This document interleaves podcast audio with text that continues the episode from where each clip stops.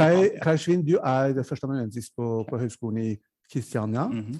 uh, og så er du, og uh, ikke minst, du er medprogramleder i den fantastiske podkasten som heter Tyskerne.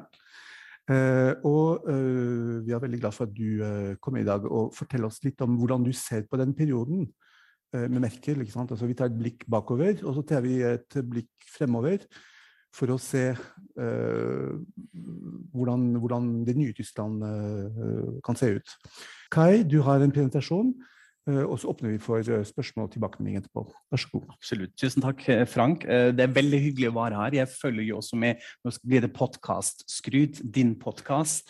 Frankrike forklart. Vi er litt sånn søskenpodkast De store europeiske landene som har sin egen podkast. Også veldig bra.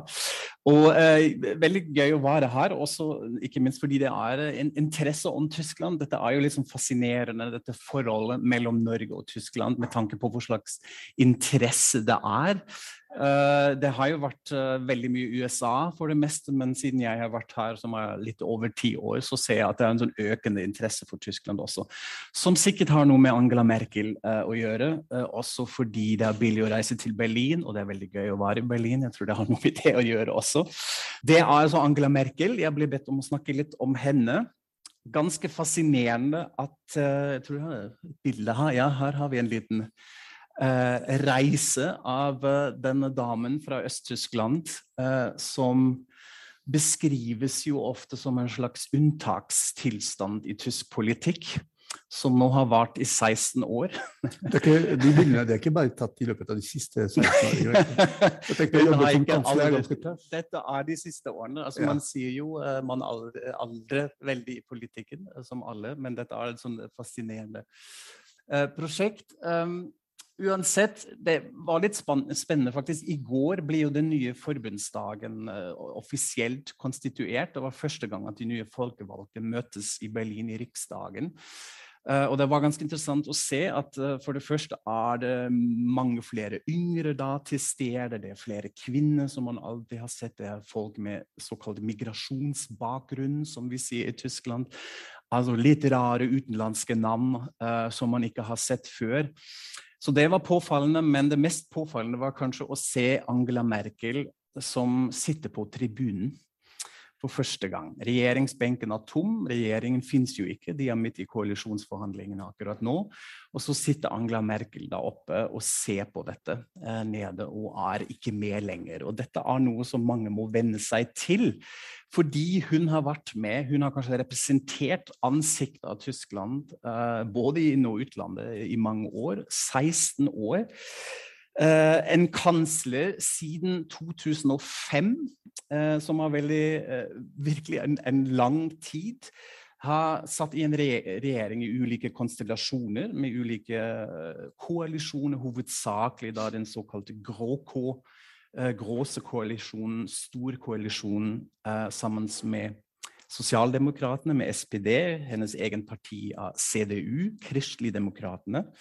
Uh, og de har styrt landet uh, lenge. Og jeg har nettopp sett en sånn oversikt som jeg syns var ganske fascinerende. Ja, 16 år, det er kanskje litt abstrakt, det er en lang tid. Men når man sammenligner det med de andre statsoverhodet i andre land, er dette ganske fascinerende. Bare med tanke på USA. Hun har jobbet med, måtte forholde seg til George W. Bush, Obama, Trump.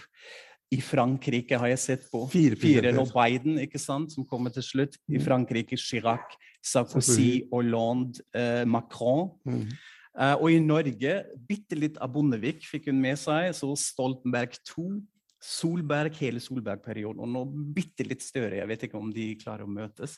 Men dette viser jo en sånn kompleksitet uh, av det hun måtte forholde seg til, bare med tanke på disse statsoverhodene, som var veldig fascinerende. Så er det de hendelsene selvfølgelig også. Når hun uh, var hadde ikke vært så mye på banen, var det en stor global økonomisk krise. Det var ulike terrorangrep som har påvirket uh, hennes, hennes, tid. Fukushima. Uh, i Japan, katastrofen som ikke minst førte til en stopp av uh, atomkraft i, i, Tyskland, eller beslutning av å fase ut atomkraft.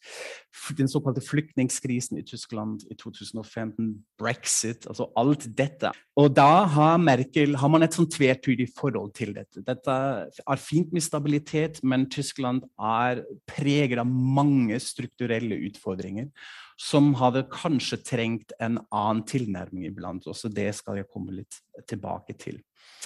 Men det som var kanskje avgjørende, var at eh, partiet hennes, CDU, Kristelig Demokratiske Unionen, har vunnet hvert eneste valg med Angela Merkel siden 2005. Som sagt i litt ulike konstellasjoner, men hun har vært gjennom alle årene i alle disse meningsmålene den, blant de mest populære politikere, også innenfor eh, Tyskland. Så det spennende spørsmålet var jo hvordan skulle det gå nå? Eh, etter hun sa jeg skal trekke meg fra de styrevervene, jeg skal ikke stille som kansler igjen. Uh, det har hun antageligvis allerede tenkt å gjøre i 2017, altså før siste mm. forbundsvalget. Et spørsmål, okay. mm -hmm. Hva sier den tyske grunnloven? Kunne hun ha stilt opp igjen? Mm. Hvor mange ganger kan det er, det er ubegrenset? Det er ubegrenset, som er jo mm. også en litt sånn rar Du kan ta en Putin, rett og slett? Ja, ikke sant? En slags Putin-tilnærming. Men jeg syns alltid det er veldig rart når man forklarer det i utlandet, hvor man ofte får dette dere av alle har ikke en begrensning av dette. Det, det er jo sant, så det, det, er litt interessant. Men da ville hun altså antageligvis ikke stille igjen, og da var det antageligvis Barack Obama som overtalte henne under en middag i Berlin eh, som de hadde, hvor han sa du må stille en gang til. Minst fordi vi var midt i Trump-perioden. Vi trenger en leder, et, et motvekk i Europa. Og så har hun antageligvis sagt ok, greit, da. Da stiller jeg en gang til. Eh, så går legenden. Eh, og det gjorde jo eh, hun, og vant valget i 2017 igjen. Men nå er hun altså ute, og CDU måtte kjøre en valgkamp eh, uten henne. Og spørsmålet var hvordan skulle det gå? Og svaret fikk vi på 26.9. Uh, og som man kan kanskje ikke ved første blikk eh, se, men vi skal se på tap, mm. tapstatistikken uh, snart. Sånn gikk det. Uh, partiet hennes, CDU, som har en sånn søsterparti i Bayern, CSU, de en, heter Unionen, gjorde sitt verste valg siden etterkrigen. De har de største tapene. SPD, Sosialdemokratene, gikk frem. De Grønne, Grønnpartiet, voldsom fremgang. Uh, og så er det noe av de andre. FDP, uh, eh, de Fridemokratene også en, en, fremgang. Og så er det AFD, det høyrepopulistiske partiet, som heldigvis ikke um, blir så store som, som, mange hadde fryktet. Så det her blir litt mer tydelig når man har disse disse, denne tapsstatistikken. Uh, og dette er uh, Tapet til unionen her er på en måte slutten av en lang trend som vi har sett gjennom uh, både de andre forbundsvalgene, forbundsdagsvalgene, men også hovedsakelig gjennom disse delstatsvalgene, som er også ganske avgjørende i, i Tyskland. Vi har jo et federalt system. Delstatene står veldig sterke. De har en stor betydning for den politiske balansen. Og da ser du jo også tapt igjen og igjen og igjen. Og så er det SPD som har kommet frem, eh, som er kanskje det mest spennende. Eh, jeg skal ikke gå inn i alle detaljene her, hvordan disse sonderingssamtalene gikk, og eh, hva nå den nye konstellasjonen kunne ha blitt. Det er i hvert fall nå disse tre partiene her som har begynt med koalisjonsforhandlingene i Tyskland. Det er det vi kaller for en trafikklyskoalisjon, en ampelkoalisjon. Uh, Forklaring er lett. Uh, dette er rødt, gult og grønt, uh, de partifagene. som er på en måte en slags sånn naturlig kombinasjon. og så har man en sånn the odd one out-kandidat i midten her med Fridemokratene. Så de sitter nå og uh, forhandler, og jeg har bare tenkt å gi et sånn kort oversikt over hvem de er. Hva slags partier er dette her som nå uh, er på plass. Og da tenker jeg vi kan begynne med Sosialdemokratene, med SPD. Uh, selvfølgelig i et stort slektskap med Arbeiderpartiet i Norge, selv om det er alltid litt vanskelig og litt sånn krøkkete å sammenligne de partiene eh, blant Norge og Tyskland. Jeg kan kanskje si litt om det senere òg. Dette har Olaf Scholz, eh, mannen som mest sannsynligvis ble den nye kansleren eh, i Tyskland, Merkels eh, etterfølger, eh, som var litt ironisk, også det skal jeg si litt om. Men Sosialdemokratene i Tyskland er Tysklands eldste parti. Eh, de har sitt opphav i arbeiderbevegelse og har spilt, spilt en stor rolle gjennom Uh, historien i Tyskland gjennom Weimar-republikken, andre verdenskrig, prøvde de var en slags motvekt til nasjonalsosialistene. Blir forfulgt og fengslet og drept osv. Så, videre. så de har en lang tradisjon. Uh, og i Norge forbinder man SPD kanskje hovedsakelig med uh, de tre store uh, kanslerskikkelser som partiet har stilt. Dette er kanskje aller mest kjent Willy Brandt, som ikke minst var jo i eksil i Norge. Han fikk jo på en måte sin politisk identitet, kan man kanskje si, utdannet her i Norge før han kom tilbake til, til Tyskland. fikk Nobel fredspris i Oslo i jeg tror det 74. Um, for sin forsoningspolitikk mot, mot Øst-Europa. Og det er jo sikkert mange som husker det berømte knefallet fra Warszawa, hvor han altså ba offisielt om unnskyldning for Shoah, for holocaust og forbrytelsene som tyskerne hadde gjort. Så hadde Helmut Schmidt uh, i overgangen fra 70- til 80-tallet en kanskje sånn pragmatisk sosialdemokrat fra Hamburg, uh, som hadde også en rekke med utfordringer. Kanskje aller mest uh, venstre-radikal terror i Tyskland fra slutten av 70-tallet, med den såkalte RAF, Rote Armee-fraksjonen, som han måtte håndtere, som han fortsatt forbindes med. Og så er det Gerhard Schröder, eh, den eh, etterfølgende av Helmut Kohl. altså Etter en lang periode, nesten en sånn analogi til nå. Eh, Helmut Kohl som satt nesten like langt som, som Angela Merkel. og da fikk plutselig en sosialdemokratisk regjering med Gerhard Schröder i spissen, som kanskje representerer, for å oppsummere det litt enkelt, denne New Labour tilnærmingen til sosialdemokratiet som man har sett i Storbritannia med Tony Blair. Igjen ironisk for et parti som har sitt opphav i arbeiderbevegelsen, at uh, Schröder, SPD-regjeringen, står for kanskje den største nedbygningen av mm. sosialstaten i Tyskland, med en sånn beryktet uh, Agenda 2010, Agenda 2010, som var altså innstramma sosial pakke Nå er det Olaf Scholz, eh, tidlig ordfører fra Hamburg. Og det som er kanskje litt viktig å nevne, at han er også en del av den eh, fortsatt sittende regjeringen. Her er Tyskland, han er Tysklands finansminister under Merkel, en kollega av Merkel, og representerer på mange måter også um, en, en konservativ del av Sosialdemokratene, som skapte store utfordringer under valgkampen. Hvordan skal man nå formidle han som the hot shit til SPD, uh, eh, som SPD hadde lyst til å komme med? Uh, litt kontekst her er litt viktig også, at SPD er et slags krangelparti uh, som blir gjerne oppfattet i Tyskland. Det er mange fløyer, mange interne fløyekamper mellom venstre og konservative folk. Så han ble som, til en slags kompromiss og som det viste seg, hva ble han vinneren under valgkampen? Rett og slett ved å kanskje lene seg litt tilbake, ikke gjøre så store tabber, la de andre krangle først. Og igjen, en, på en sånn veldig typisk tysk måte, score med den stabiliteten, med en trygghet. Man er litt kjedelig, men man er stabil og trygg. Og jeg tror eh, det har ført også til seieren til slutt, selv om dette er litt generaliserende. Eh, så har han klart å samle partiet, og partiet har stått samlet bak han, som er kanskje den største forskjellen uh, sammenlignet med de andre partiene som, uh, som var i, i, valgkampen. Så han kommer til å lede denne nye koalisjonen mest sannsynlig, og så sitter han i koalisjon nå med de frie demokratene, FDP, et yngre parti dannet i 1948 etter andre verdenskrig, og representerer på en måte denne denne etterkrigsånden uh, hvor Tyskland blir beskrevet som Wirtschaftswunderland. Altså et land som uh, fordi alt var bombet i hjel, uh, fikk muligheten til å bygges opp uh, igjen. Fikk masse støtte, uh, selvfølgelig, fra alliertene, og klarte å bygge opp et ganske stabil økonomisk system med en sånn sett imponerende fremvekst.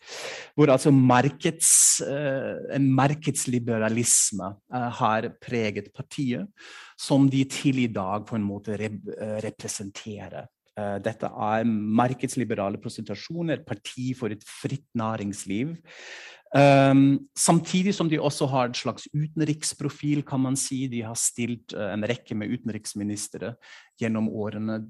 I Norge kanskje aller mest kjent av Hans Dietrich Genscher, som uh, var i Kohl-regjering, og som um, var en del av gjenforeningen av Tyskland og åpningen uh, av østblokk etter hvert. Hvis man er litt slem, og det har jeg hørt fra flere, flere uh, mennesker som er kanskje fra det venstre miljøet, litt sånn gamle 68-ere, uh, liker de å kalle FDP for horepartiet. Uh, fordi dette er et parti som har satt i ulike koalisjoner gjennom tiden. De har vært med konservative CDU i regjeringen i flere år. Så har de vært med SPD. Og man gjør litt narr av dem uh, med tanke på ja, hvor stor dere egentlig ideologisk. Det er hovedsakelig kanskje pengene som gjelder. Eller hvis man er litt snillere og kanskje litt mer diplomatisk, så kan man kalle de for et Königsmacher-parti, som begrep på tysk, altså kongemaker. Eh, jeg vet ikke helt om det finnes et sånt tilsvarende begrep eh, på norsk. Altså partier som er avgjørende for å danne flertall. Jeg tror ikke man bruker horeparti som eh, Men det er, et, det er, et, spennende begrep som ja. kunne overføres til norsk kontekst. Ja, ja, sikkert. ja. La oss gå med kongemaker, som var, som var litt hyggeligere. Mm. Og det ser ut som de representerer dette også nå, denne gangen. eh, Christian Lindner er, er lederen som har eh, ført partiet ut av en sånn elendig periode hvor de eh, i 2017 ikke, eller før i 2013 var det, ikke kom inn i forbundsdagen. De landet under sperregrensen, som var litt sånn katastrofalt for dem. Nå er de tilbake, samlet, litt cocky. han har også på en måte forhindret koalisjonen Uh, eller at partiet selv kunne være med i koalisjonen siste gang i 2017 ved å ikke gå inn kompromisser og trekke seg fra forhandlingene. Uh, så det er mye press på han. Man gjør også litt nær på hans uh, egen markedsføring. Veldig selvopptatt. En medievant person og kanskje noe sånn mer diplomatisk, som man kunne si det. Og så er det det store håpet, De grønne. Eh, som gjorde som sagt et veldig bra valg, med en egen kanslerkandidat eh, som man aldri har hatt før, som viser litt hvor selvbevisst og selvsikker de nye grønne gikk til valg. Dette er Annalena Baebock som var en ung kvinnelig kanslerkandidat. Eh, det gikk ikke så bra under valgkampen. Det var mye som ikke fungerte som det skulle. Mye klønete, eh, rett og slett. Uansett av partiet og denne ledelsesduoen som de har, nemlig Robert Habeck og Annalena Bebok samlet. Og nå leder også forhandlingene for eh, De grønne. Og Robert Habeck, jeg vil si at egentlig begge representerer en sånn nye type politiker.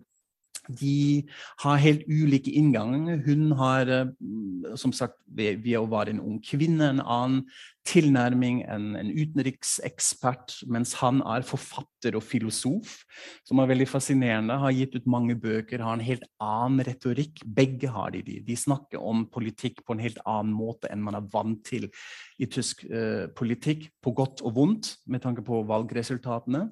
Og så har de selvfølgelig klart å fange opp denne uh, miljøbevegelsesånden som vi ser jo i hele Europa, og som står også veldig sterk i Tyskland. Uh, med tanke f.eks. Fridays for Future-bevegelsen, som har også hengt seg litt på De grønne uh, og støttepartiet. Når man sammenligner det med Norge igjen, viktig at man ikke nødvendigvis kan trekke som direkte paralleller til f.eks. MDG. Uh, de Grønne har en mye lengre reise. De er mye mer borgerlige nå uh, enn MDG og kanskje også andre grønne partier i, Europa. De kommer fra 68-bevegelsen, fra borgerbevegelsen, uh, og landet i forbundsdagen for første gang i 1983, eh, hvor de var de unge ville, men de har blitt mye mer etablert eh, etter det. Satt sammen med SPD i regjering på slutten av 90-tallet.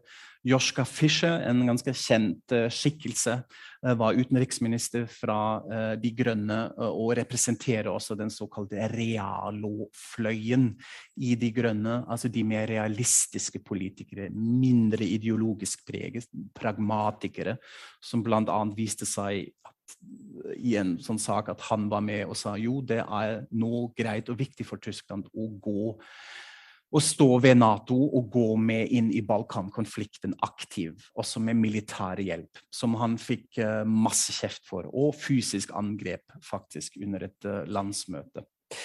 Så dette er de, uh, regjering, de, partiene som nå prøver å danne Tysklands nye regjering, med en del utfordringer. Eh, det er interessant at det er en sånn annen tone i hvordan de, eh, hvordan de forhandler sammen, sammenlignet med det som skjedde i 2017, hvor det jo ikke fungerte til slutt. Eh, man snakker mye om brobygning, om å, være, å møte hverandre, komme imot og sånn, selv om man har en del spennende utfordringer. F.eks. med tanke på skattpolitikk, da FDB og De grønne på helt ulike posisjoner. og Det blir veldig spennende å følge med hvordan de skal få det til. Også Robert Habeck og Christian Lindner har begge gitt uttrykk for at de vil bli finansminister av ulike grunner. Så da har man en sånn intern krangel allerede som alle er veldig spent på hvordan dette løses. Eh, så må de også ta hensyn til mange andre ting. En ny kabinett som må kanskje bestå av yngre mennesker, mer kvinner av folk med innvandrerbakgrunn. Du må alltid ta hensyn til øst-vest-balansen eh, i tysk politikk. Så de har mange utfordringer. Men de har lovd at de er på plass med en ny regjering i begynnelsen av desember. Så vi får se hvordan det går. Men så er det jo disse utfordringene eh, som de møter, denne nye virkeligheten eh, i Tyskland som de må forholde seg til, som er også del av Merkels arv. Som jeg har tenkt å si litt om. Hva er dette som de må forholde seg til? Eh, hva slags virkelighet er det? Og da er det kanskje aller først viktig å nevne dette her. Digitalisering og Tyskland. Dette er ikke en salig vellykket match. Uh, og det har kanskje flere av dere opplevd selv når de er midt i Berlin og skal ha med se folk ikke er, skal ha mobildekning i f.eks. Berlin midte. Det er min favoritteksempel. Å stå med dårlig mobildekning midt i Berlin. Uh, som er én ting. Men det gjelder også den digitale infrastrukturen, uh, som faktisk uh, skaper store utfordringer. Hjem, delstaten min, Hessen, hvor jeg er fra, har nå i mange år klaget over at spesielt i Nordhessen, i den nordlige regionen, har så dårlig fiberglass-utvikling at mange av disse mellomstore bedrifter er rett og slett ikke koblet til internett. Eh, de kan ikke gjennomføre businessen sin, de fungerer ikke eh, som en del av eh, markedet i Tyskland, som man ikke får på plass. Og så er selvfølgelig pandemien et sånn fascinerende forstørrelsesglass for alle de krisene og utfordringer. og Dette gjelder altså også digitaliseringen. Man har gjort f.eks. mye nær av at mange av de delstatene og kommunene i de delstatene måtte sende sine koronatall til Berlin via fax. Fordi de hadde ikke en internettinfrastruktur, det var ikke e-post i bruk. Så vi fakser disse tallene til Berlin. Jeg har opplevd det uh, selv, også i, min tysk familie og noen venner uh, i, Tyskland som jobber som lærer, f.eks. Uh, veldig fascinerende her i Norge hvor fort man klarte å snu dette.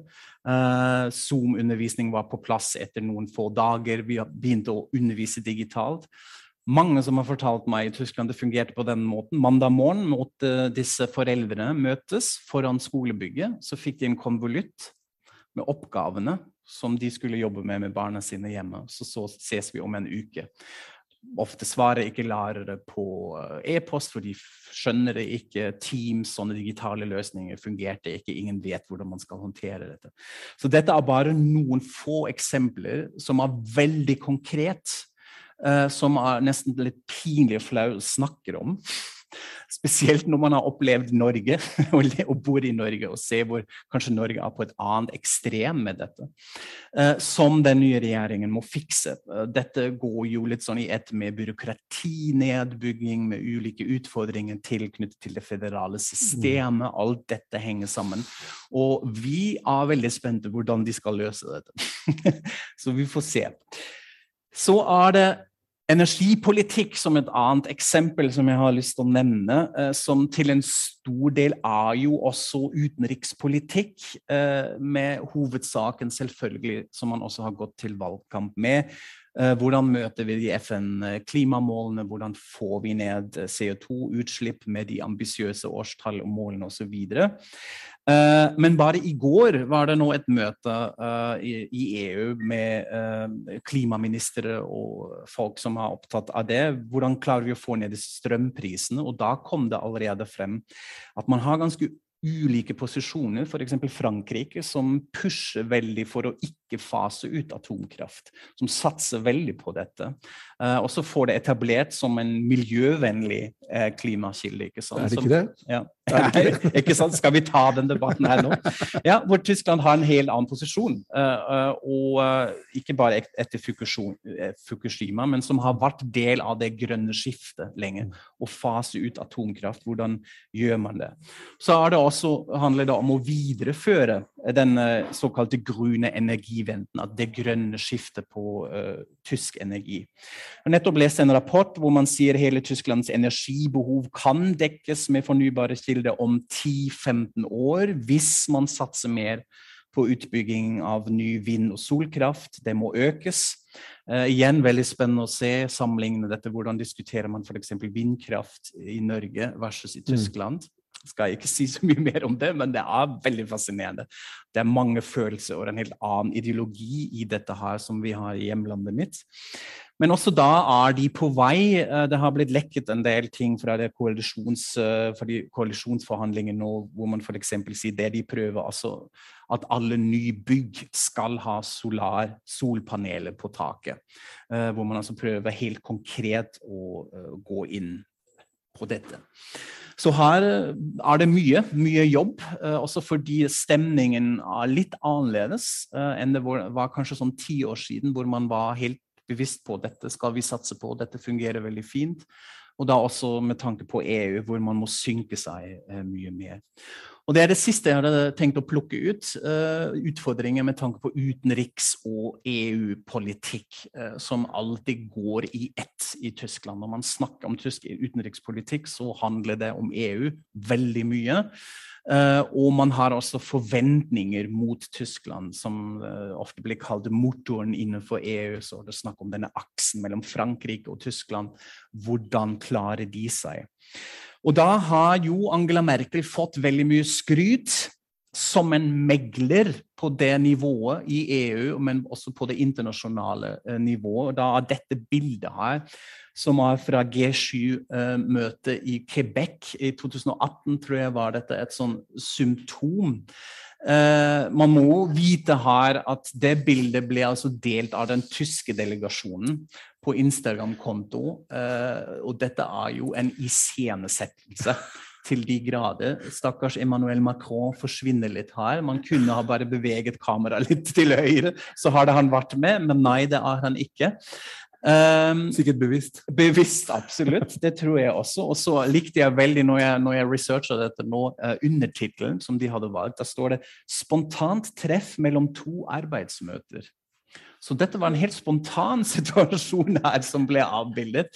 Men det viser jo litt at selvfølgelig posisjonen Angela Merkel har hatt i de, i de kontekstene, men det viser også denne mytebyggingen som man begynte uh, å være kanskje litt for opptatt av. Uh, hvordan dette her skal videreføres. Hun har helt tydelige ferdigheter i konfliktmeglingen, som også Jeg gleder meg personlig veldig til disse Uh, autobiografiene kanskje som kommer ut nå etterpå. Tror du hun kom til å jobbe for et russisk kongebedrag? som Gerd Schrøder. Det tror jeg absolutt ikke. Det er jo mange som spekulerer på det. Hva skal Angela Merkel gjøre nå? Hun har selv sagt jeg vil egentlig bare sitte i en lenestol og lese en god bok og kanskje sovne litt. Det, det tror jeg ikke at hun gjør.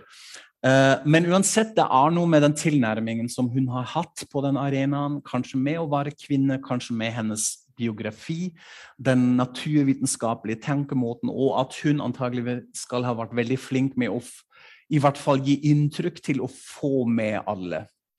Uh, og har en, en, utholdenhet, en stamina, i disse forhandlingene som mange har bekreftet er litt sånn uten like, nesten. Så det er både sant, men uh, så er det dette igjen med har hun egentlig løst problemer eller ikke? Uh, har hun forvaltet de mye mer enn å faktisk ha løst det? Flyktningkrisen fra 2015 ble ofte brukt som et eksempel hvor man sier de har jo til tross for alt det, ikke fått til en felles flyktningpolitikk innenfor EU. Nå kan man si Det er litt, litt naiv å tro at dette handler bare om én person som skal få det til. Det er jo ofte de østeuropeiske statene som har problemet her med å ha en annen tilnærming. Men uansett uh, er dette noe som uh, mange sier da kunne hun ha gjort mer enn bare å forvaltet dette, uh, eller henge litt etter. Uh, som man også nå ser som en slags retolkning av hvordan hun selv håndterte den flyktningkrisen. Uh, jeg mener jo selv at det var helt riktig hva hun gjorde ved å ikke stenge grensene, ved å slippe inn folk. Men hvorvidt dette var en utelukket humanitær motivasjon, eller kanskje skyldes også en del strategisk pragmatiske uh, vurderinger, det, det, kommer nok historien til å si. Det var jo en unilateral beslutning òg. Det var jo det. Og så ser man jo også hvordan dette blir videreført, f.eks. med dealen hun gjorde med Erdogan etterpå osv. Så, mm. videre, og så, videre. så det er, det er litt mer kompleks. Men hovedpoenget er kanskje her at Merkel, når vi tenker på hva skal fremtiden bringe, hvordan skal Tyskland bevege seg, er ingen visjonær. Og nå måtte jeg ta med det kosebildet her mellom våre statsoverhode. Uh, du, du kunne ha det samme med Sarkozy og med Chirag Altså, hun har kost med alle, absolutt. Ja, ja, ja, og, land, for så vidt òg. Mm. Litt mer lønna. Jeg tror hun visste hvordan hun skulle håndtere de. Men dette her må man jo si er jo en sånn forsoningsbilde fra markeringen i 2018. Eh, så dette her er jo en, en viss kontekst. Men allikevel jeg vil si denne mangelen av Merkel av å være en visjonær politiker ble spesielt synlig sammenlignet med, med, Macron, som har jo ved flere anledninger prøvd å formulere, definere en ny visjon for hva Europa skal være. Hvor forholdet mellom Tyskland og Frankrike er helt avgjørende. Det er en berømt tale han holdt i, i Aachen, Aix-en-Chapelle, hvor han fikk Karlsprisen, en europeisk pris og formulerte en sånn visjonær tale med på en måte mange spørsmål og oppfordringer mot Berlin og Angela Merkel som, som mange sier hun har aldri svart på. Så han, eh, Vi sa det i podkasten vår, sånn, hun strekker ut en hånd som bare blir hengende mm. i lufta, som aldri blir tatt. Og Det er helt sant, og det er litt ironisk, det har vi jo pratet litt mm. om, at dette, Tyskland og Frankrike har vært litt sånn ut av synk mm. med dette. fordi Absolutt. 20 år før, i 2000, har jo eh, Joschka Fischer, som vi har nevnt, den daværende utenriksminister, også holdt en, en stor tale ved Humboldt-universitetet i Berlin og har formulert sin versjon for europask fremtid, som handler om integrering og også den fransk-tyske motoren. Hvor da altså Élysée eh, i Paris ikke svarte, hvor det var ingen reaksjon på det. ikke sant? Han var vettskremt. Eh, de var skremt, kanskje, kan man si. Ja, absolutt, det var det. Og Tyskland var kanskje på en måte også litt rusa av en sånn ny selvsikkerhet på den tiden osv. Så, videre. så dette er dette påvirker selvfølgelig mye av innenrikspolitikk, men dette er eh, et slags tvetydig vanskelig forhold. Nå vil jeg si, som en person som er fra Tyskland, som har vokst opp i Tyskland, som har venner i Frankrike, at denne det prosjektet, det franco-alemann prosjektet har også fungert veldig bra på samfunnsnivået. Når jeg bare tenker på skoleutveksling eh, Jeg har vært på eh, språkutveksling i Frankrike. Vi har fått venner der. På kultur- og mediesamfunnet felles TV-kanal som Erte, som dere kanskje har mm. hørt om. Altså et felles medieprosjekt som, både, som har styrt fra Tyskland og Frankrike uh, er, er, en suksesshistorie, vil jeg si. Og dette er med tanke mm. at, uh, på at det ikke så lenge siden at vi gikk i strupen til hverandre på en mest mm. farlig måte, er, er, veldig viktig og bra. Men uansett, her er det en fremtid som skal dannes og skapes, og det blir spennende å se hvordan det blir. Um, hvordan er vi med tid? Ja, jeg skal kanskje begynne å runde av. Um, det som er kanskje aller viktig med alle de spørsmålene, men spesielt med uh, utenriks, er det selvbildet som Tyskland selv har. Vil man forstå Tyskland, så må man forholde seg til det, både fra inn- og utlandet. Uh, og da har jeg egentlig lyst å lande på dette her, som jeg syns er ganske spennende Dette er vår president. Ehm, vi har jo den offisielle eh, presidenten av landet, som har mer sånn på en måte representativ funksjon. Eh, Frank-Walter Steinmeier er dette, som holdt en tale i fjor under markeringen av 75 år siden krigens slutt. Eh, som jeg syns oppsummerer dette veldig godt, dette selvbildet som man har i Tyskland, og, også kanskje blikket utenfra og de forventningene. Uh, og dette handler selvfølgelig om, om, krigen og arven av krigen. Og da uh, sier han, jeg oversetter litt sånn uh, krøkkete selv her, det skal ikke være en ende på å huske og å minne. Det er ingen frelse fra vår historie. Den tyske historien er en knust historie. En del av dette er ansvaret for folkemord og ufattelig lidelse uh, som knuser hjertet vårt. Og derfor kan man elske landet bare med et knust hjerte. Uh, som jeg syns er en veldig rørende, men også veldig smart oppsummering av for å forstå hvordan Tyskland beveger seg i fremtiden, hvor man selv forstår dette. Til tross for en ny selvsikkerhet og selvbevissthet man snakker jo gjerne om denne fotball-VM-en, eh, verdensmesterskapet i 2006, hvor mange var overrasket hvor glad og patriotisk tyskerne mm. kunne vifte med flaggene sine. Og sånn. Og jeg tror også at det har overrasket mange i Tyskland selv at vi kan ha en sånn positiv følelse. Mm. Men også med tanke på ansiktet Merkel har gitt til Tyskland.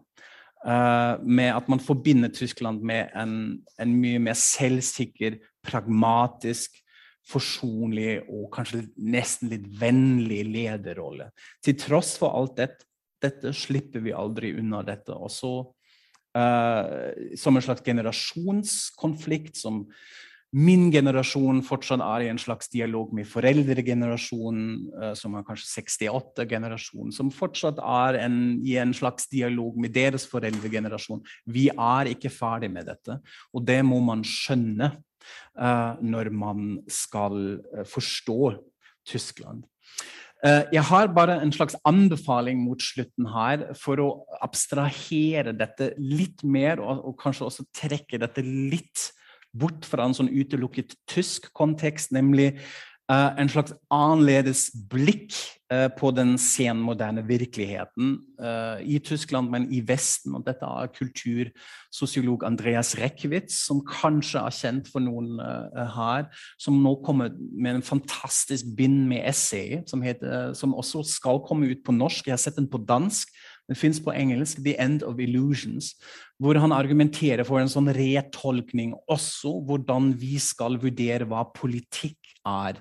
Og uh, se på politikken mindre sånn ideologisk preget i venstre og høyre, men at politikken i den senmoderne virkeligheten, egentlig etter andre verdenskrig, uh, reagerer på ulike impulser på tvers av det politiske spektrumet. Han går litt fra velferdsstatsbygning over uh, etter hvert neoliberalisme og sånne ting, men sier at den virkeligheten som vi er i i dag, er egentlig hovedsakelig preget av en slags kulturkamp. Dette er kulturessensialistene, som vi ser av de høyrepopulistene, versus de hyperkulturistene, altså de som er for en åpen, globalisert kultur. Og det er der de spørsmålene og utfordringene ligger. Også for politikken, kanskje også for den nye tyske uh, regjeringen, som jeg syns er en veldig smart um, tilnærming. Ikke kanskje banebrytende nytt, men i den nye konteksten og i det etisk-politiske klimaet som vi mm. er i kanskje uh, veldig rele relevant å se på. Mm. Jeg tror jeg lander her, så vi har litt tid for spørsmål. Det var en veldig spennende presentasjon. Jeg skal, jeg skal komme med tre mm. veldig korte spørsmål, og du kommer med tre veldig korte svar, og så slipper vi publikum, uh, slik at de kan Først jeg vil stille om, spørsmål om, det er om ø, forandringskultur. Altså når, du, når, du, bygger opp en koalisjon vi, vi, hadde det i Norge ganske nylig. Uh, vi så hvordan det ikke gikk med SV, bl.a., uh, og hvordan man havnet med to partier istedenfor tre. Ja. Uh, kort sagt, hva er på en måte, Hva vil forskjellen være mellom den tyske forhandlingskulturen man bygger opp koalisjonen, og den norske? Kan du si i hvert fall noe om den tyske? Ja, absolutt. Altså, det er for det første også litt preget av at vi er veldig opptatt av en sånn av flertallsregjering i Tyskland. Dette er noe som man må venne seg til, at disse store blokkene, disse folkepartier, begynner å brutes ned, og at vi må venne oss til koalisjoner med flere partier. Så dette er en sånn ideologisk, tradisjonell ting. Men veldig sånn konkret vil jeg si en av de største forskjellene er at i de koalisjonsforhandlingene, også som vi ser nå, er man mye mer preget av penger, av budsjetter uh, i Tyskland. Vi har ikke en oljefond. Uh, som sørger for et slags status quo som vi kan bruke. Man er veldig opptatt av statsgjeld, Eh, ikke gjør den større, gjør den mindre. Så det de gjør nå, og jeg leste faktisk om det i går, i 22 arbeidsgrupper i disse forhandlingene, er å regne ut. Det er Excel og regneark. Regne ut, prøve å forholde seg til pengesituasjonen, til den mm. fiskale situasjonen, alt det der. Som påvirker disse forhandlingene mye mer, eh, vil jeg si, enn det jeg i hvert fall er kjent med i Norge her. Mm. Og det andre, eh, som er kanskje litt mer også ideologisk preget tysk av AFD-problemet. Mm. Uh, altså det høyrepopulistiske partiet Alternativ for, for, for, Tyskland, som ingen vil samarbeide med. Uh, det har alle sagt. Det er en slags sånn rød demarkeringslinje som man ikke skal gå over. Noe partier har flørta litt, uh, kanskje også på kommunal- og delstatsnivå, men det er en absolutt no go å jobbe med dem. Mm som skaper utfordringer. Fordi de er fortsatt veldig store, også i forbundsdagen. Man kommer ikke rundt den. De representerer selvfølgelig også en holdning, en, et ønske fra befolkningen. Så hvordan håndterer man de? Det tror jeg er de to største forskjellene. Ja, det er ganske morsomt at du, at du nevner det, for det var mitt andre spørsmål, faktisk. For hvis du ser på, hvis du ser på radikal venstre, radikal høyre, altså De Linke og AFD, begge, begge, partier gikk ned ja. uh, i dette valget. Mm. Uh, til tross for at det er en stemning i Europa Du nevnte mm. høyrepopulismen, eller høyreradikalisme, mm. eller høyreekstremisme. På, altså på bakgrunn av flyktningkrisen i, i, 2015, som kunne tilsi at, at dette også uh, kan øke Tyskland. Men, men, men, det virker som radikaliteten har, gått ned de, de siste årene. Hva, hva, er årsaken til det?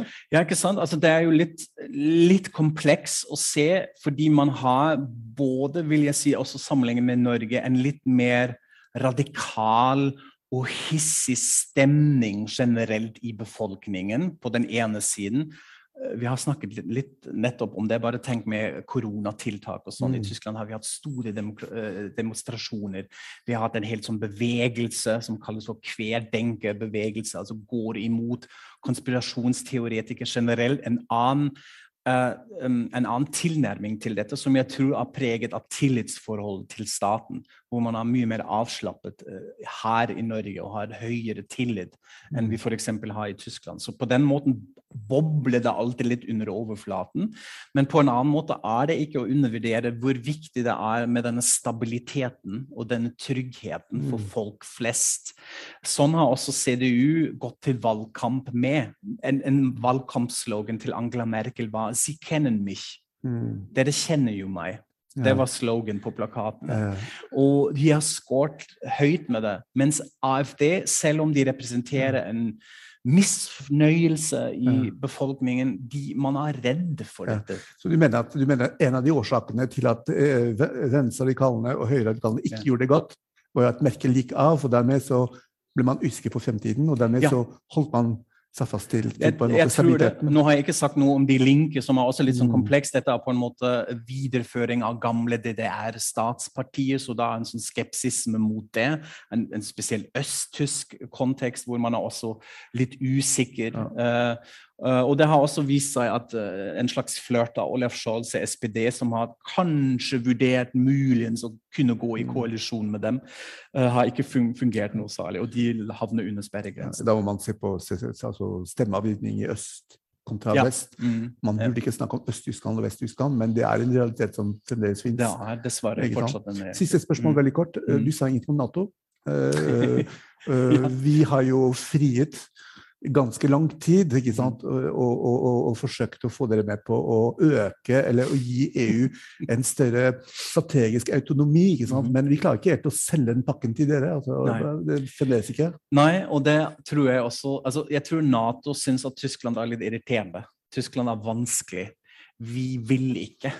Vi har jo ikke nådd dette 2 %-målet, og jeg tror dette er historien som henger med her. Tyskland nekter å være en militær stormakt. Mm. Vi vil bidra med humanitær hjelp og med andre sånne ressurser. Men det er liksom å steppe opp uh, militariseringen er vanskelig å selge. Uh, innenfor innenriks også. Du kan ikke gå til valgkamp med dette her, men det er også en idé historisk utfordring for uh, politikere på tvers av partiene, vil jeg si. Så man har en slags skepsis. Selv om denne, denne amerikanske alliansen uh, har egentlig vært sterk, så ser man også litt skeptisk på Nato som en sånn uh, kjæledyrklubb til USA. Uh, og er dermed veldig skeptisk da også. Men jeg er ikke noen utenriksekspert eller sikkerhetsekspert. Da, så det er blir spennende å se hva som skjer om det skulle tilspisse seg på Taiwan. Mm. Om ja, vi Nato-land blir delt inn i en ny konflikt uh, i uh, det indo-pacifiske havet. Ja. Men vi må runde av. Kai, tusen takk for at du var med og ga en veldig god presentasjon og svarte på spørsmålene. Det har vært en glede til å kunne komme i gang. Eh, vi eh, kommer til å snakke om tyske og franske forhold. Eh, vi kommer til å samarbeide våre podkaster oss imellom. Kanskje vi snuser litt òg, som Merkel og Macron? Ja, ja, ja, vi kan gjøre det. Vi tar med britene, da. Det, ja, ok, vi gjør det. Vi så, så, eller de holder dem litt på avstand først. De, de, må betale litt for brexit. Tusen takk for at dere ble med i dag. Tusen takk, Kai. Takk til dere.